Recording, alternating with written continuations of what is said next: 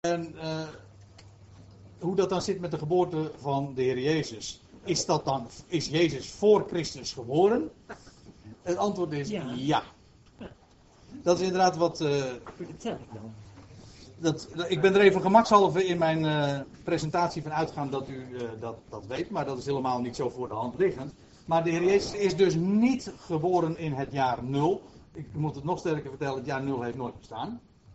In de jaarrekening besta- is er geen gaat het min 1 over in plus 1. Het jaar 0 moet je gewoon wegdenken. Dus als iemand tegen u zegt van jij komt uit het jaar 0, dan. Of, of die jas, dat is er eentje uit het jaar 0, dan kun je dat wel vergeten. Nee, de Heer Jezus is inderdaad een paar jaar voor onze jaartelling geboren. Ondanks het feit dat wij onze jaartelling baseren op de geboorte van de Heer Jezus. Dat is heel heel gemakkelijk eh, in wezen uit te leggen. En dat is dat degene die deze de jaartelling heeft ontworpen, dat was in de vierde of vijfde eeuw, ik weet het niet precies.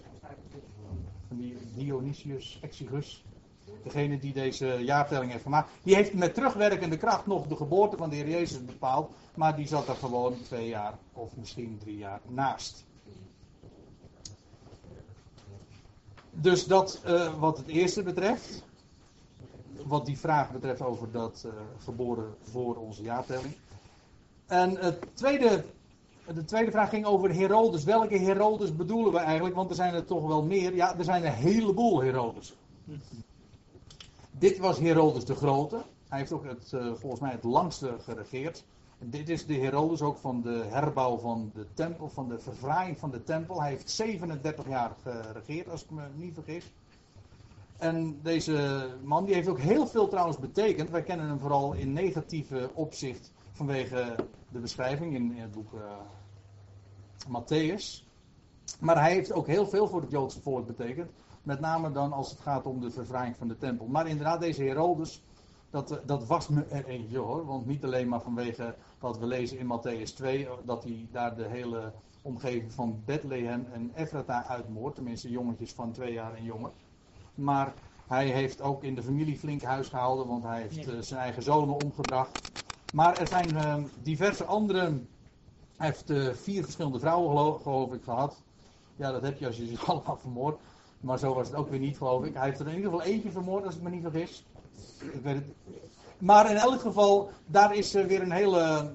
Het is een hele complete dynastie van Herodes. Je hebt Herodes Antipater, Antipas, je hebt Herodes, nou dit was dus Herodes de Grote. Je hebt uh, de Herodes die ook, waarvan je leest in Handelingen 12. Die uh, opgevreten wordt op een gegeven moment ter plekke door een worm. Die, uh, en dan heb je er nog een paar. Jezus heeft zelf wel Herodes gestaan. Precies, ja. Dat was ook een uh. Maar hoe dat nou precies allemaal met die familie zit. Ik heb op mijn website ooit eens een keertje uitleg daarover gegeven. Over die verschillende familie over die familietoestanden. Maar als u daar meer over wil weten, op internet is een heleboel over te vinden. Ik, ik kan nu volstaan met het feit dat dit niet de enige Herodes was die we lezen, waarvan we lezen in de Bijbel. Herodes is dus eigenlijk gewoon een achternaam en geen voornaam.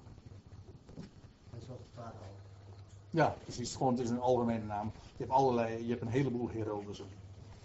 Het is net zo goed als dat je ook een heleboel Pieten hebt en Van Fout. Als je op je hoofd zit, dan. Pieten? Nee, nee, Pieten moet niet op je hoofd zitten. Ja, maar nou, dan krijgen we, nou krijgen we weer de zwarte Piet toegespeeld. Maar hij weet niet van hoge Pieten ook nog. Goed. Uh, ja, dat waren die twee vragen. En dan gaan we inderdaad de vraag beantwoorden die hier staat. En waar we de, het gedeelte voor de pauze mee afsloten. Namelijk, welk interessant verschijnsel deed zich voor aan de nachtelijke hemel in 3 en 2 voor Christus? Dus voordat Herodes stierf. Wat, met andere woorden, bracht die magiërs nou in Jeruzalem? En wat deed hen vragen, waar is de koning der Joden geboren? Nou, we gaan eens eventjes naar het oosten toe, richting Babel. En we gaan eens kijken wat daar zo al plaatsvond aan de nachtelijke hemel en wat voor verschijnselen daar plaatsvonden. U ziet hier een uh, afbeelding van de, de, horizon en dan staat er Eh, dan ziet u hier de afbeelding van het sterrenbeeld de leeuw, oftewel Leo. Leo is de Latijnse naam, de leeuw, dat is de Nederlandse naam. Ik kom daar straks op terug. Maar wat daar vooral zo bijzonder aan is, is dat daar aan de, als die ma magiërs toen naar het oosten keken, toen zagen ze daar het sterrenbeeld de leeuw, ja. Maar wat ze zagen ook is een conjunctie. Wat is een conjunctie? Dat is een samenstand. Dat wil zeggen, twee sterren die komen bij elkaar. Je, je, kan, al, je kan verschillende soorten van conjunctie hebben. Dat wil zeggen, staan ze heel dicht bij elkaar of wat verder van elkaar. Maar Jupiter en Venus die kwamen heel dicht bij elkaar te staan. En Jupiter en Venus zijn de twee helderste hemellichamen op de zon en maan. Na uiteraard aan het firmament. De twee helderste sterren. Of eigenlijk moet ik zeggen planeten of anders gezegd dwaalsterren. Weet je dat? Uh, nou, ik heb even voor het gemak. Uh, ik kan ze inderdaad wel even aanwijzen. Kijk, dat is Jupiter, die rode. Dat is, het is ook de rode planeet, hè? zo wordt hij genoemd. En die andere, dat is Venus. Nee, wacht even, ik zit, ben nou helemaal in de war. Nee, ik ben nou helemaal in de war. Moet, dit moet er even uitgeprint worden. Want ik zit hier toch eventjes partijen onzin te vertellen. Uh, want de rode planeet is Mars. Ja. ja, dat is Mars. En dus, maar uh, ik kan, ik kan mijn reputatie toch nog een klein beetje redden. Want als je nou naar uh, afbeeldingen kijkt, als je door de telescoop kijkt en je ziet, uh, of je ziet plaatjes van Jupiter, die is inderdaad erg oranje gekleurd, dat wel. Ja, oranje. De oranje planeet. Precies daarom hebben we hem ook oranje gemaakt, ja. Maar het is dus niet de rode planeet, dat kunnen jullie vergeten, maar... Het is toch goed. Ja, het was... Dus wat er plaatsvond, was wel op zich niet zo heel eh, bijzonder, want kijk, sterren hebben uh, allemaal een vaste plaats aan de hemel. Nou ja, de hemel zelf draait weliswaar, maar die sterrenbeelden die staan gewoon vast. Maar planeten die dwalen, daarom heet ze ook dwaalsterren, die dwalen overal zomaar over de hemel. Over het hemelrond. Ja, dat wil zeggen, zo zien wij dat. Weliswaar gaan zij allemaal een keurige baan maken ze om de zon. Maar neem niet weg dat wij ze allemaal op verschillende locaties zien.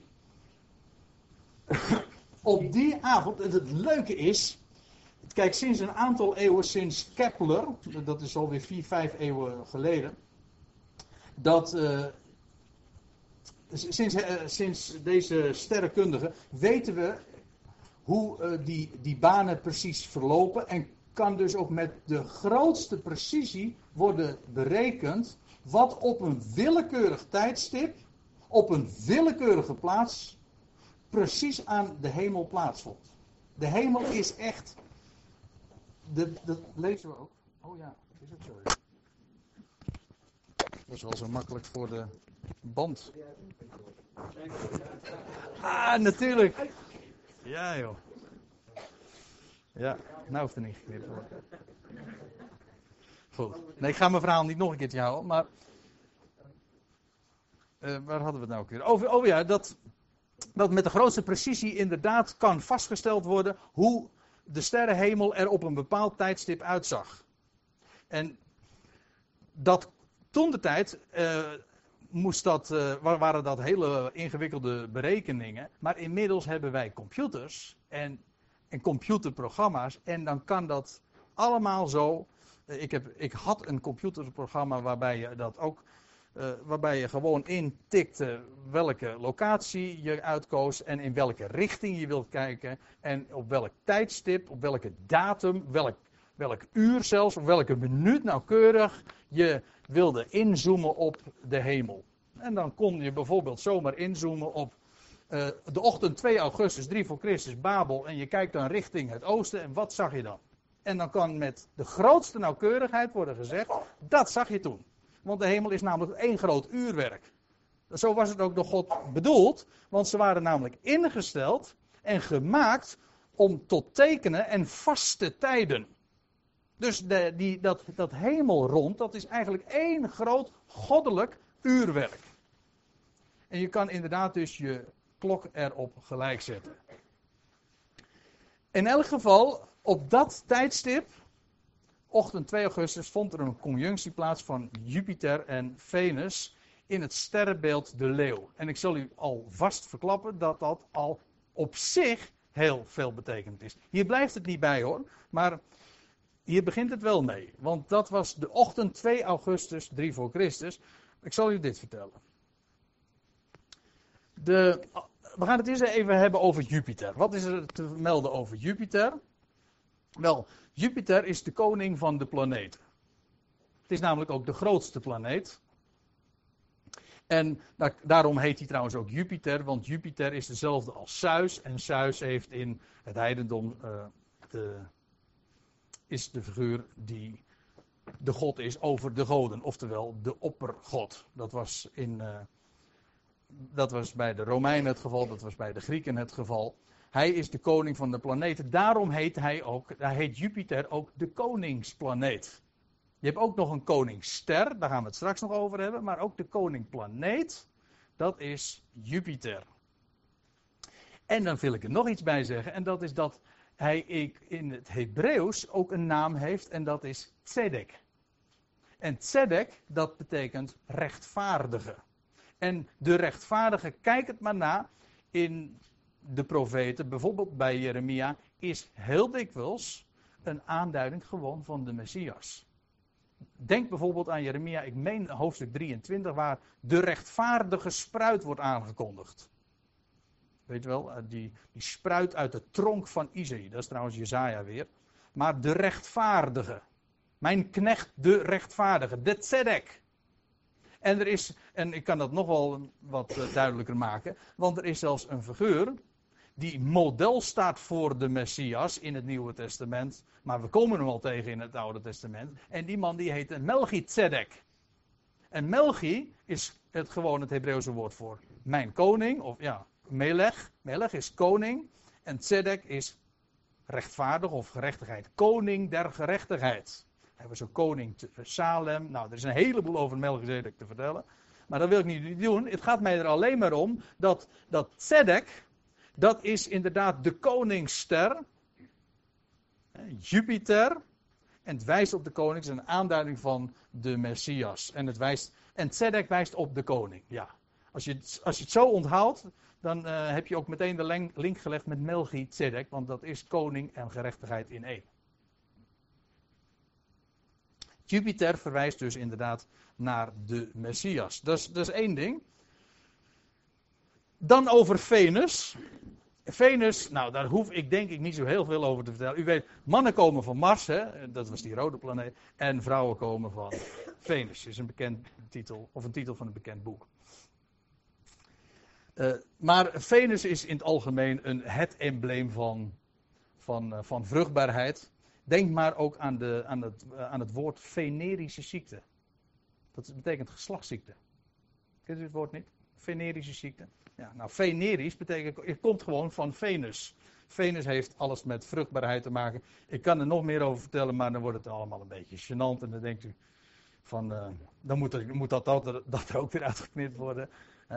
Maar uh, in Babylon heette Venus Ishtar. Ik weet niet of u dat wat zegt, maar zo'n begrip hoor. Ishtar was namelijk ook de godin van de vruchtbaarheid. En in de Bijbel, en komen we die Ishtar ook tegen, namelijk als Astarte, de vruchtbaarheidsgodin. En dat ook te maken met allemaal, met, met orgieën. En nou ja, de link heb je gauw gelegd. Dat was Astarte. Je, je ziet trouwens ook toch nog wel de verwantschap tussen Astarte en Ishtar. Als je de klinkers even weghaalt, dan zie je de, de link wel. Dus Venus staat voor vruchtbaarheid. Dan, als je dan eventjes die twee koppelt, Jupiter, Tzedek, die komt dicht staan bij Venus. De koning komt dicht te staan bij vruchtbaarheid, geboorte, verwekken. Houd even vast. We gaan verder. Want dan hebben we moeten we het ook nog hebben, even hebben over dat sterrenbeeld, de leeuw, over Leo. Want dat sterrenbeeld verwijst kan niet missen, inderdaad, naar de stam van Juda. In de reden die we vinden in Genesis 49 geeft Jacob voorzeggingen op zijn, sterfbed, eh, op zijn sterfbed, terwijl hij leunde, lees je op het uiteinde van zijn staf. Dat betekent gewoon dat hij op de opstanding vertrouwde. Maar dat ga ik nou niet uitleggen. Maar hij doet uh, dan over elke zoon, over al zijn twaalf zonen, spreekt hij voorzeggingen uit. Over alle twaalf. Heb je ook meteen weer de link gelegd met de twaalf tekens van de dierenriem. Maar dan zegt hij over één van die twaalf, van Juda. een leeuwenwelp is Juda. Na de roof zijt gij omhoog geklommen, mijn zoon. Hij kromt zich, legt zich neder als een leeuw of als een leeuwin. Wie durft hem opjagen? De scepter zal van Juda niet wijken, noch de heerserstaf tussen zijn voeten, totdat Silo komt. Dat is de aanduiding van de Messias. En hem zullen volkeren gehoorzaam zijn. In de eerste plaats, de leeuw is sowieso al een embleem van koningschap. De leeuw is de koning der dieren, dat weten we allemaal. Met die mooie kroon om zijn hoofd, eh, denk ik dan. Maar bovendien wordt hier nog van Juda gezegd. Juda is die leeuw. Juda is gewoon hetzelfde als Jehuda of Jehudim met de Joden. Joden ons woord Jood komt gewoon direct van, van Juda. In het Nederlands is dat uh, misschien een beetje lastig te achterhalen, maar het is gewoon, dat is gewoon een gegeven. Dus die leeuw, de associatie van leeuw en, en Juda, die is heel eenvoudig. En let er dan ook nog eventjes op dat er in vers 10 dat nog staat van Genesis 49, in die voorzegging die, die Jacob doet. Let op trouwens, Jacob spreekt deze voorzegging uit over Juda. En het zou nog vele eeuwen duren voordat inderdaad de scepter terecht zou komen bij Juda. Het was de tweede koning over Israël, bij wie inderdaad dat het geval was. David was inderdaad uit het geslacht van Juda. En daar kwam, zou de scepter terechtkomen. Dat wil zeggen, de heerserstaf. De scepter zal van Juda niet wijken, noch de heerserstaf tussen zijn voeten, totdat Silo komt. De heerserstaf tussen zijn voeten. Daar moet ik ook nog even wat over vertellen, want, wat dacht je wat? De helderste ster in de leeuw, dat is deze. Is een van de allerhelderste sterren ook van het firmament. Ik noemde zojuist Venus en Jupiter, maar dat zijn planeten. Maar uh, deze, deze ster, is Regulus. Sowieso de helderste ster van dit sterrenbeeld, van, uh, van het sterrenbeeld de leeuw. Maar de, de, de naam van die, van die ster is Regulus. En dat bevindt zich tussen de voeten van de leeuw. Maar weet u wat Regulus betekent? Denk aan het Engelse woordje regal. Betekent koninklijk. In het Latijns is de naam van deze ster Rex. Rex betekent koning. In Babel, in Babylon, dus waar die magiërs vandaan komen, heette die Sharu. En dat betekent de koning. Hij heet zelfs nu nog, als je, ik heb het op het internet uh, nog eens eventjes allemaal nagelezen, gewoon op neutrale websites, dus die niks, ge, helemaal geen link hebben met de Bijbel, daar, daar wordt gezegd van Regulus is een, uh, ik heb dat op Engelse talige websites gelezen, maar is one of the royal stars. Een van de koninklijke sterren. Regulus. Maar over Regulus gaan we het dan vervolgens hebben, want we hadden het zojuist over 12 augustus, dat daar die conjunctie plaatsvond in het oosten. ze zagen een ster in het oosten. Ze, ze zagen uh, een conjunctie van Venus, vruchtbaarheid, en Jupiter, de koning, bij het sterrenbeeld de leeuw, koningschap, Israël, Juda. Een dag of wat later, een maand later, dan is het zo vindt er een eerste conjunctie, dus weer een samenstand plaats van Jupiter en Regulus. Dus kijk, die, die andere sterren staan gewoon vast aan de hemel, maar planeten, ik zei al, die, die dwalen. Uiteraard via een vast uh, voorspelbaar patroon, maar die dwalen zo over het, eh, over het hemel rond. En toen vond er een conjunctie, een samenstand plaats van Jupiter, de koningsplaneet, met de koningsster, met Regulus. Heel bijzonder. Dat was, ik zeg, de eerste conjunctie, de eerste samenstand. Maar er zouden er nog twee volgen. Van dezezelfde uh twee hemellichamen. Jupiter en Regulus. Let op, dus in het sterrenbeeld de leeuw. Dus in alle opzichten verwijst dat naar de koning. En naar het Joodse volk, naar Judea en het volk van Juda. Een paar maanden later zien we hetzelfde. Dan vindt er een tweede conjunctie plaats van Jupiter en Regulus. Uh, even kijken hoor. Oh, ik had het allemaal zo vreemd. Ik had het zo mooi gemaakt in mijn presentatie dat je die sterren ook zag bewegen. Maar dat, uh, dat zie ik nu niet meer. Maar goed. Maakt niet uit, het gaat er maar om dat u ze samen ziet staan. Er vond de tweede conjunctie dus plaats.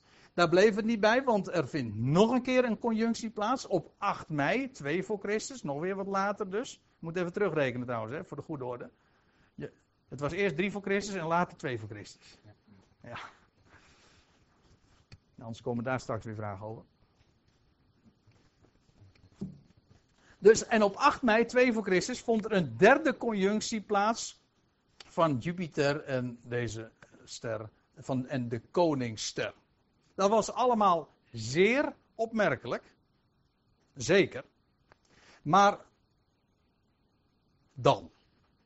In de vroege avond van 17 juni, 2 voor Christus, vindt er een hele unieke gebeurtenis plaats. En wat was dat? Wel, opnieuw vond er een conjunctie plaats van Venus en Jupiter. Maar nu niet alleen maar een, een samenstand, zodat ze bij elkaar, vlak bij elkaar stonden. Nee, het was een complete eenwording. Met het blote oog konden ze niet van elkaar onderscheiden worden. En ik zal u vertellen, dat is heel opmerkelijk, want dat vindt maar, dat vindt maar eens in de vele honderden jaren plaats. Dat die twee allerhelderste hemellichamen, Venus en Jupiter, één worden. En dat is wat, zij, wat de, uh, de magiërs daar in het oosten gezien hebben. Let er trouwens eventjes op. Dat vond opnieuw plaats in sterrenbeeld de leeuw. Nu, niet in het, nu keken ze niet trouwens richting het oosten, maar nu keken ze in het richting het westen. Dat wil zeggen in Pal boven Juda. Dus als zij daar in Babel waren en ze zagen dus in, zij keken in westelijke richting en toen vond daar eh, die spectaculaire conjunctie, echt samenstand, die eenwording, zal ik zeggen, Jupiter en, en, en Venus hadden gemeenschap. Zal ik het zo zeggen? Ze kusten elkaar, precies ja. Ze werden één en dat vond dus plaats opnieuw in het sterrenbeeld de leeuw, maar nu aan, in de westelijke richting. Dat wil zeggen, zo pal boven het land van Juda. Zagen zij dit alles gebeuren. Dus de koningsster. Nee, pardon, de koningsplaneet. Zedek. Verbond zich, werd één met Venus. De vruchtbaarheid. In het sterrenbeeld, of bij het sterrenbeeld, de leeuw, Juda. Nou, het plaatje is dan duidelijk. Het heeft dus te maken met een koning, Regulus, uh, dat is koning, maar Zeus of Jupiter zelf de koning, planeet. Bovendien, de leeuw spreekt ook van de koning, maar de leeuw spreekt meer speciaal nog van Juda, een van de twaalf. Juda, een van, de leeuw, een van de twaalf. En dan die samenstand. En dan de hele voorgeschiedenis. Dus dat hadden die wijzen ook gezegd, die magiërs. dat het of we hadden al eerder aangegeven, een van de negen kenmerken van die ster was ook dat het gedurende een langere tijd die, dat die ster geschenen heeft en dat daar bijzondere dingen mee waar hadden plaatsgevonden. Nou, dat is inderdaad wat hier in gedurende tien maanden allemaal plaatsvindt. Twee keer een, eh, een conjunctie van Venus en Jupiter. Waarbij de laatste keer zelfs een complete eenwording. En drie keer die conjunctie van Jupiter en Regulus. Allemaal in het sterrenbeeld de leeuw. Voor iemand of voor mensen die vertrouwd zijn met sterrenbeelden en, met de en uitgaan van het feit dat de hemelen iets te vertellen hebben, was dit zo klaar als een klontje. Die magiërs zijn gewoon op reis gegaan. En ze zijn uiteraard gegaan daar waar ze die ster ook zagen, namelijk in de richting van het westen. Dat wil zeggen, ze hadden de conclusie natuurlijk al lang getrokken. Het was, er moest een koning der Joden geboren zijn. Los van de vraag wat zij geweten hebben van de schrift, maar dit is wat zij hebben gezien aan de hemel. Het firmament had hun dit verteld. De ster wees hen gewoon richting het land van Juda. Letterlijk zelfs dus. Nu. Want toen deze spectaculaire samenstand plaatsvond, toen wees dat direct in de richting van het land Judea. Nou, oh, dat had ik nog helemaal te vertellen. Want als we nou naar de andere kant van de hemel kijken, kijk. We zagen, nu kijk, je, je bevindt je in Babel. Je kijkt richting het westen. Dan zie je sterrenbeeld de leeuw. Met die samenstand van Venus en Jupiter. Kijk je naar de andere kant van de hemel op hetzelfde tijdstip, dan zie je dat het volle maan is. En ik weet niet wat u weet van volle maan. Maar uh, daar hoef je helemaal niet eens een astroloog voor te zijn. Maar, uh, maar volle maan symboliseert, zelfs, in het, in de, zelfs met de uh, weinige kennis die wij nog hebben. En van de weinige kennis van de symboliek die we nu nog hebben van, van hemellichamen en wat daarmee verband houdt, weten we de meeste mensen nog wel dat volle maan iets te maken heeft met vruchtbaarheid. Toch? Of weten we dat niet meer? Ja, daar zit trouwens daar zit een heel verhaal nog aan vast. Dat uh, hoeven we nu niet allemaal te vertellen. Maar het is zo, de, er zijn een heleboel mensen die daar veel meer over zouden kunnen vertellen dan ik. En uh, er zijn ook, uh, hoe het kan, weet ik niet. En of er een, kausa een kausaal of oorzakelijk verband bestaat tussen volle maan en het, en het kiemen van zaad, weet ik niet. Ik geloof niet dat het ooit iemand heeft kunnen uitleggen. Maar het schijnt, ik zeg het even voorzichtig. Dirk, Dirk is expert, een van de experts op het gebied van bloemen en planten enzovoort. Is het waar of niet dat eh, zaad ontkiemt wanneer bij volle maan? Ze zeggen het ja. Dus, uh, dat, dat is uh, biologisch dynamisch, ja. Die mensen die, ga, die, die zaaien zaad inderdaad bij volle maan, omdat dan de zaad het grootste, de meeste kiemkracht heeft. Goed, maar daar zit een verhaal, los van de vraag of dat waar, waar is. Uh, daar, zit, daar zit namelijk nog weer een heel verhaal van typologie en symboliek aan vast. Want volle maan, kijk, bij volle maan is de maan op de helft van haar cyclus. Volle maan is namelijk de helft van de maandelijkse, zal ik zeggen, de helft van de maandelijkse cyclus. De maandelijkse cyclus duurt een maand, ja. Die duurt een maand, 28,5 dag geloof ik, als ik me niet vergis. En halverwege die maandelijkse cyclus, je begint bij nieuwe maan, de, bijvoorbeeld de Hebreeuwse kalender, trouwens geldt ook voor de, de moslimkalender, die is helemaal maangerelateerd. Elke eerste van de maand is het altijd nieuwe maan, zodat het dus ook altijd de vijftiende van de maand is altijd volle maan. De vijftiende, de Heer Jezus werd ook begraven op de vijftiende Nisan, toen was het volle maan. Nou, volle maan, dat is dus de, de helft van de maandelijkse cyclus, maar uh, zoals u weet, de helft van de maandelijkse cyclus staat ook voor de ijsprong. Nou heb ik het meteen, ben ik overgesproken van, van de maan op de vrouw, maar zo groot is die sprong nou ook weer niet hoor, van de maan en de vrouw. Nee, u zegt ze zijn beide allemaal erg veranderlijk en je kan er zo weinig van op aan. Sorry. Nee, Peter is er toch niet, dus ik kan nou vertellen. Uh, maar dat is al, de maan is erg veranderlijk. En, uh, maar in ieder geval, de helft van de, helft van de maandelijkse cyclus vindt de ijsprong plaats. En dan is, wordt de vrouw geacht vruchtbaar te zijn. Nou, daar heeft dat verhaal ook uh, mee te maken met volle maan en, en vruchtbaarheid. Hoe dan ook. We hadden het er al over, over die conjunctie, die samenstand. Wat zeg ik? De complete eenwording van Jupiter, de Tzedek, de koningsplaneet en Venus, vruchtbaarheid. In het sterrenbeeld de leeuw, Juda, scepter, koningschap. Bij volle maan dan nog eens, vruchtbaarheid. De magiërs konden er niet onderuit. De koning van Juda is geboren. Na alles wat er al had plaatsgevonden in de afgelopen negen maanden. Leuk hè? De afgelopen negen maanden. Was dit wel de bezegeling en de bekroning daarop. Dus zij zijn op reis gegaan. En zij komen daar aan in Jeruzalem. En wat hebben we gezien?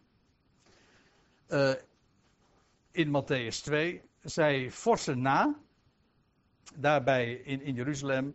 En zij krijgen te horen van de, van de wijze, van de, ja, de echte wijze, de, de schriftgeleerden, degene die het uit de schriften zouden moeten weten. Om met meer precisie te kunnen zeggen van ja, de koning van van Juda, van de Joden, is weliswaar geboren. Maar waar dan precies? Want dat hadden ze inderdaad niet kunnen opmaken uit de sterren. Ik vind al heel veel hoor. Dat, je gewoon, dat ze met zekerheid konden vaststellen. dat wat de hemelen hun verteld hadden. Namelijk de koning der Joden was geboren. Dat wisten ze. De vraag was alleen, waar dan in Juda? En nou ja, dat zouden ze daar in, uh, in Jeruzalem en de geleerden en, en, de schriftgeleerden moeten kunnen vertellen. En inderdaad, die wisten het zo te vertellen. Dat zou zijn in Bethlehem. En daar hoeven ze alleen maar voor naar het zuiden eh, toe te gaan. Ze konden gewoon op de hoofdweg blijven. Het, was een, het is 8,5 kilometer of zoiets. Dus dat was eh, heel gemakkelijk af te leggen. Daar hadden ze ook helemaal geen ster voor nodig trouwens hoor. Want het, ze moesten gewoon in Bethlehem eventjes verderop wezen. En in een paar uur tijd is, dat, uh, is die uh, reis afgelegd. Dat is geen enkel probleem. Zeker niet als je net van Babel komt. Dus ze waren er al bijna. Maar wat gebeurt er? Op het moment dat ze dan weer weggaan, dat wil zeggen Jeruzalem verlaten en richting Bethlehem gaan, zie de ster weer. Hadden ze die nodig? Nee, want ze waren al naar Bethlehem geweest. Maar die ster die zagen ze boven de plaats waar het kind was. Maar, nee, pardon, ik zeg het kind, maar het was de jongen. Want inmiddels was uh, het kind al wat ouder. Het was al geen zuigeling meer. Het was uh, alweer maanden later, minst. En dan vind je, dan, dan lees je dat de magiërs zich uh, verblijden over het feit dat ze de ster zien staan boven de plaats waar de jongen was. Ja, inderdaad, in onze Bijbelvertalingen staat het kind, maar het staat eigenlijk de jongen. Het staat niet meer het babytje. Niet Brevos, maar Paidon. Ja, ja, precies. Het was een dreumes, ja. ja. En dan lees je ook dat die ster stilstond. Boven de plaats. Maar dan stellen wij de vraag: hoe kan een ster nou in vredesnaam stilstaan? Nou, dat is eigenlijk. Dus die vraag is eigenlijk een beetje gek, want uh, alle sterren staan voor het oog in ieder geval stil. Ze bewegen weliswaar, hè? maar voor het oog staan ze allemaal stil. Dus je moet eerder de vraag stellen van ja, zo wat, die ster staat stil, maar dat doen ze toch allemaal? Ja, maar voor een astronoom in sterrenkundige, uh, sterrenkundig gesproken absoluut niet. Want dan bewegen dus de planeten zich. Maar bij gelegenheid gebeurt het dat planeten stationair zijn. Stationair wil zeggen dat ze stil blijven staan. En dat was het geval, inderdaad, toen de, de magiërs Jeruzalem verlieten. Want wat gebeurt er?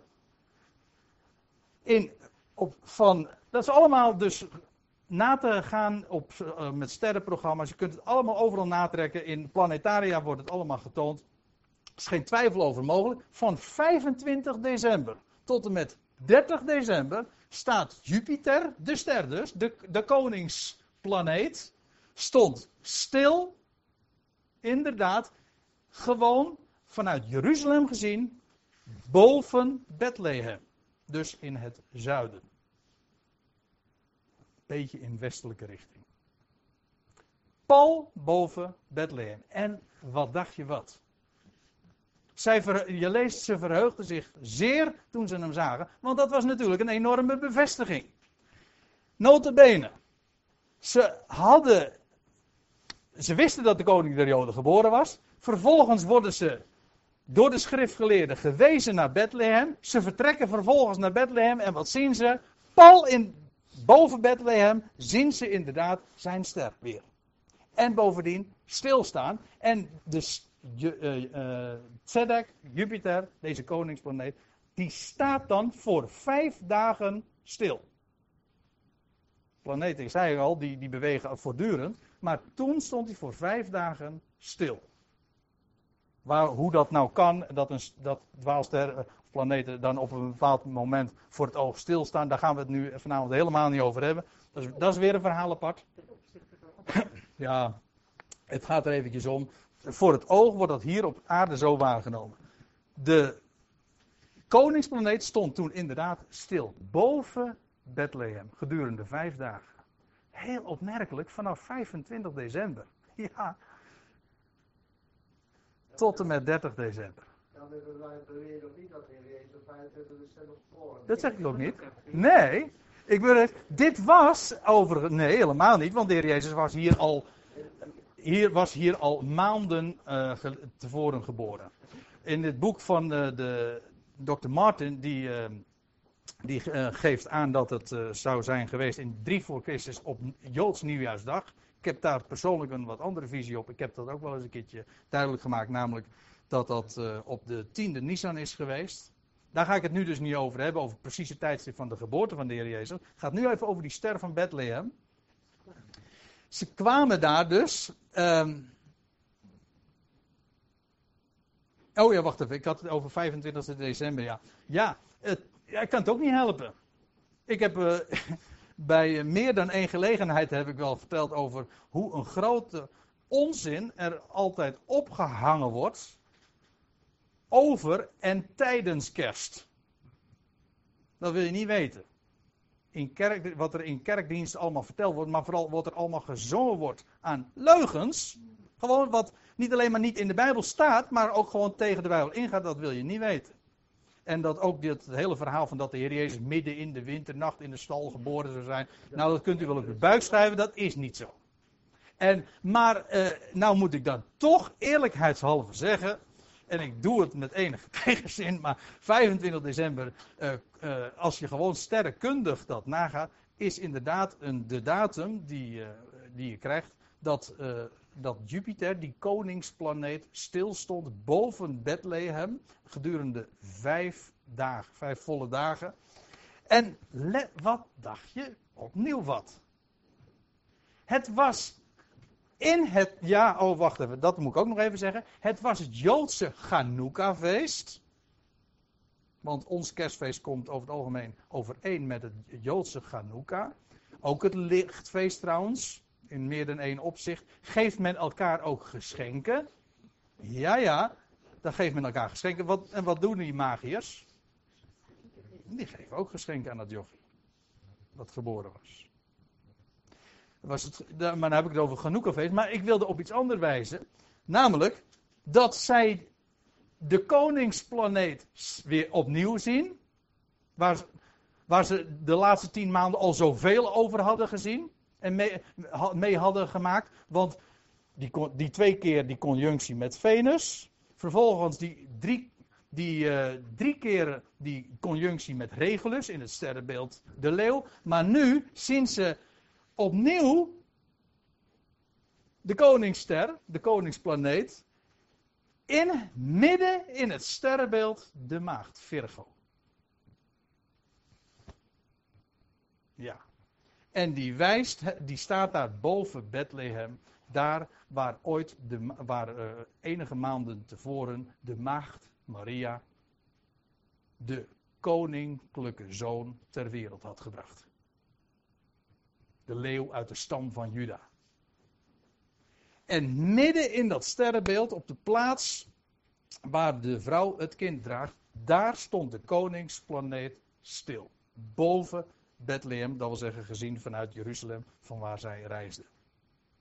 Zodat zowel de maagd als de leeuw maar ik heb hier ooit een keertje een Bijbelstudie gegeven over, over al die tekens van de dierenriem. Maar van de maag tot aan de leeuw. En dat is precies de wijze waarop je ook de sterrenbeelden moet, uh, moet, moet typeren. Van de maag tot de leeuw. Het getuigt allemaal van hem aan wie de heerserstaf toekomt. Die de koning is, die de grote overwinnaar is. En al die sterrenbeelden en heel het hemel rond verkondigt die grote waarheid van de Messias die geboren is. En dan vind ik het zo schitterend.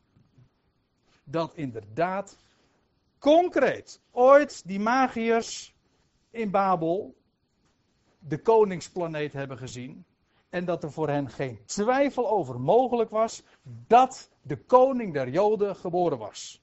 De hemel had het hen verteld, die kennis doorgegeven. En het bracht hen in Juda en vanuit Jeruzalem gaan ze naar Bethlehem en worden ze daar op een magnifieke wijze in bevestigd. En zien ze die ster daar weer pal boven Bethlehem stilstaan. In het sterrenbeeld de maagd. Alle, het is één consistent verhaal waarbij alle lijnen wijzen in één richting. Namelijk naar de Messias. Dat is wat die sterren hen, uh, hen vertelden. En dat is wat die magisch uit het buitenland bracht in het land van Israël. Ja, nou, en ik denk dat ik het heidenen, inderdaad. Ja, want uh, het zou natuurlijk prachtig zijn om ook nog te vertellen dat die heidenen spreken van de tegenwoordige tijd, waarin Israël niet gelooft, waar de Joden geen interesse hebben in de Messias, maar de heidenen, daarnaar gaat het woord en zij komen, inderdaad. En, hoe, en uh, hoe, hoe, over hoeveel tijd hebben we het dan ook alweer? Twee jaar. Maar dat is een nadenkertje. Daar moet u nog maar eens een keertje mee naar, over naar huis. Uh, mee, mee, dat moet u mee naar huis nemen en daar moet u nog maar eens over nadenken. Ook weer die twee jaar. Goed, ik uh, wil het hierbij laten. Ja, natuurlijk. De scepter zal van jullie wijken. Ja. Nog de eerste stap te stellen, totdat Silo komt. Ja.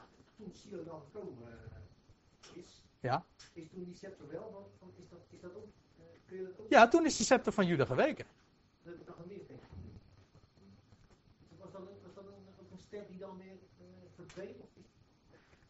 Nee, nee, want kijk, Silo is inderdaad gekomen en hem zullen de volkeren uh, gehoorzaam zijn. Het is trouwens nog, uh, ja, dat, dat is een heel boeiend gegeven, want er was ergens in het begin van de jaar, dat moet in 4 of 5 voor Christus geweest zijn, toen hebben de Romeinen de, het, het Joodse volk het recht ontnomen om nog de doodstraf uit te spreken.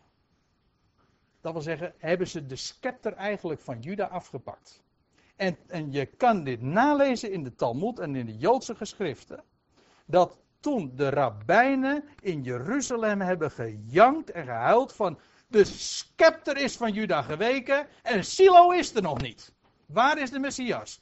Dat is, echt, dat is, dit is echt gedocumenteerd in de Talmud of in welke Joodse bronnen je dat ook vindt. Maar dat is bekend. Dat dus op het moment dat de heerserstaf van Juda week. En dat ze. Ik, dat was 4, 5 voor Christus of zo. Uh, 4 of 5 na Christus. Je kunt dit nalezen. Ik heb uh, wel veel uitgebreider en gedocumenteerd in het boek Het ontstaan van het christendom. In, dat ooit uitgegeven is door de EO. Prachtig.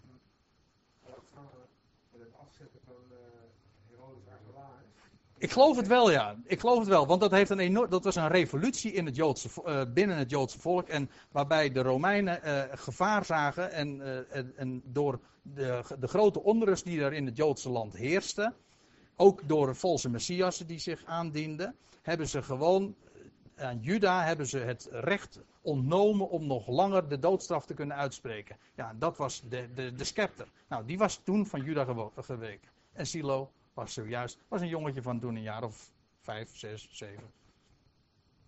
Ja, heel, heel opmerkelijk.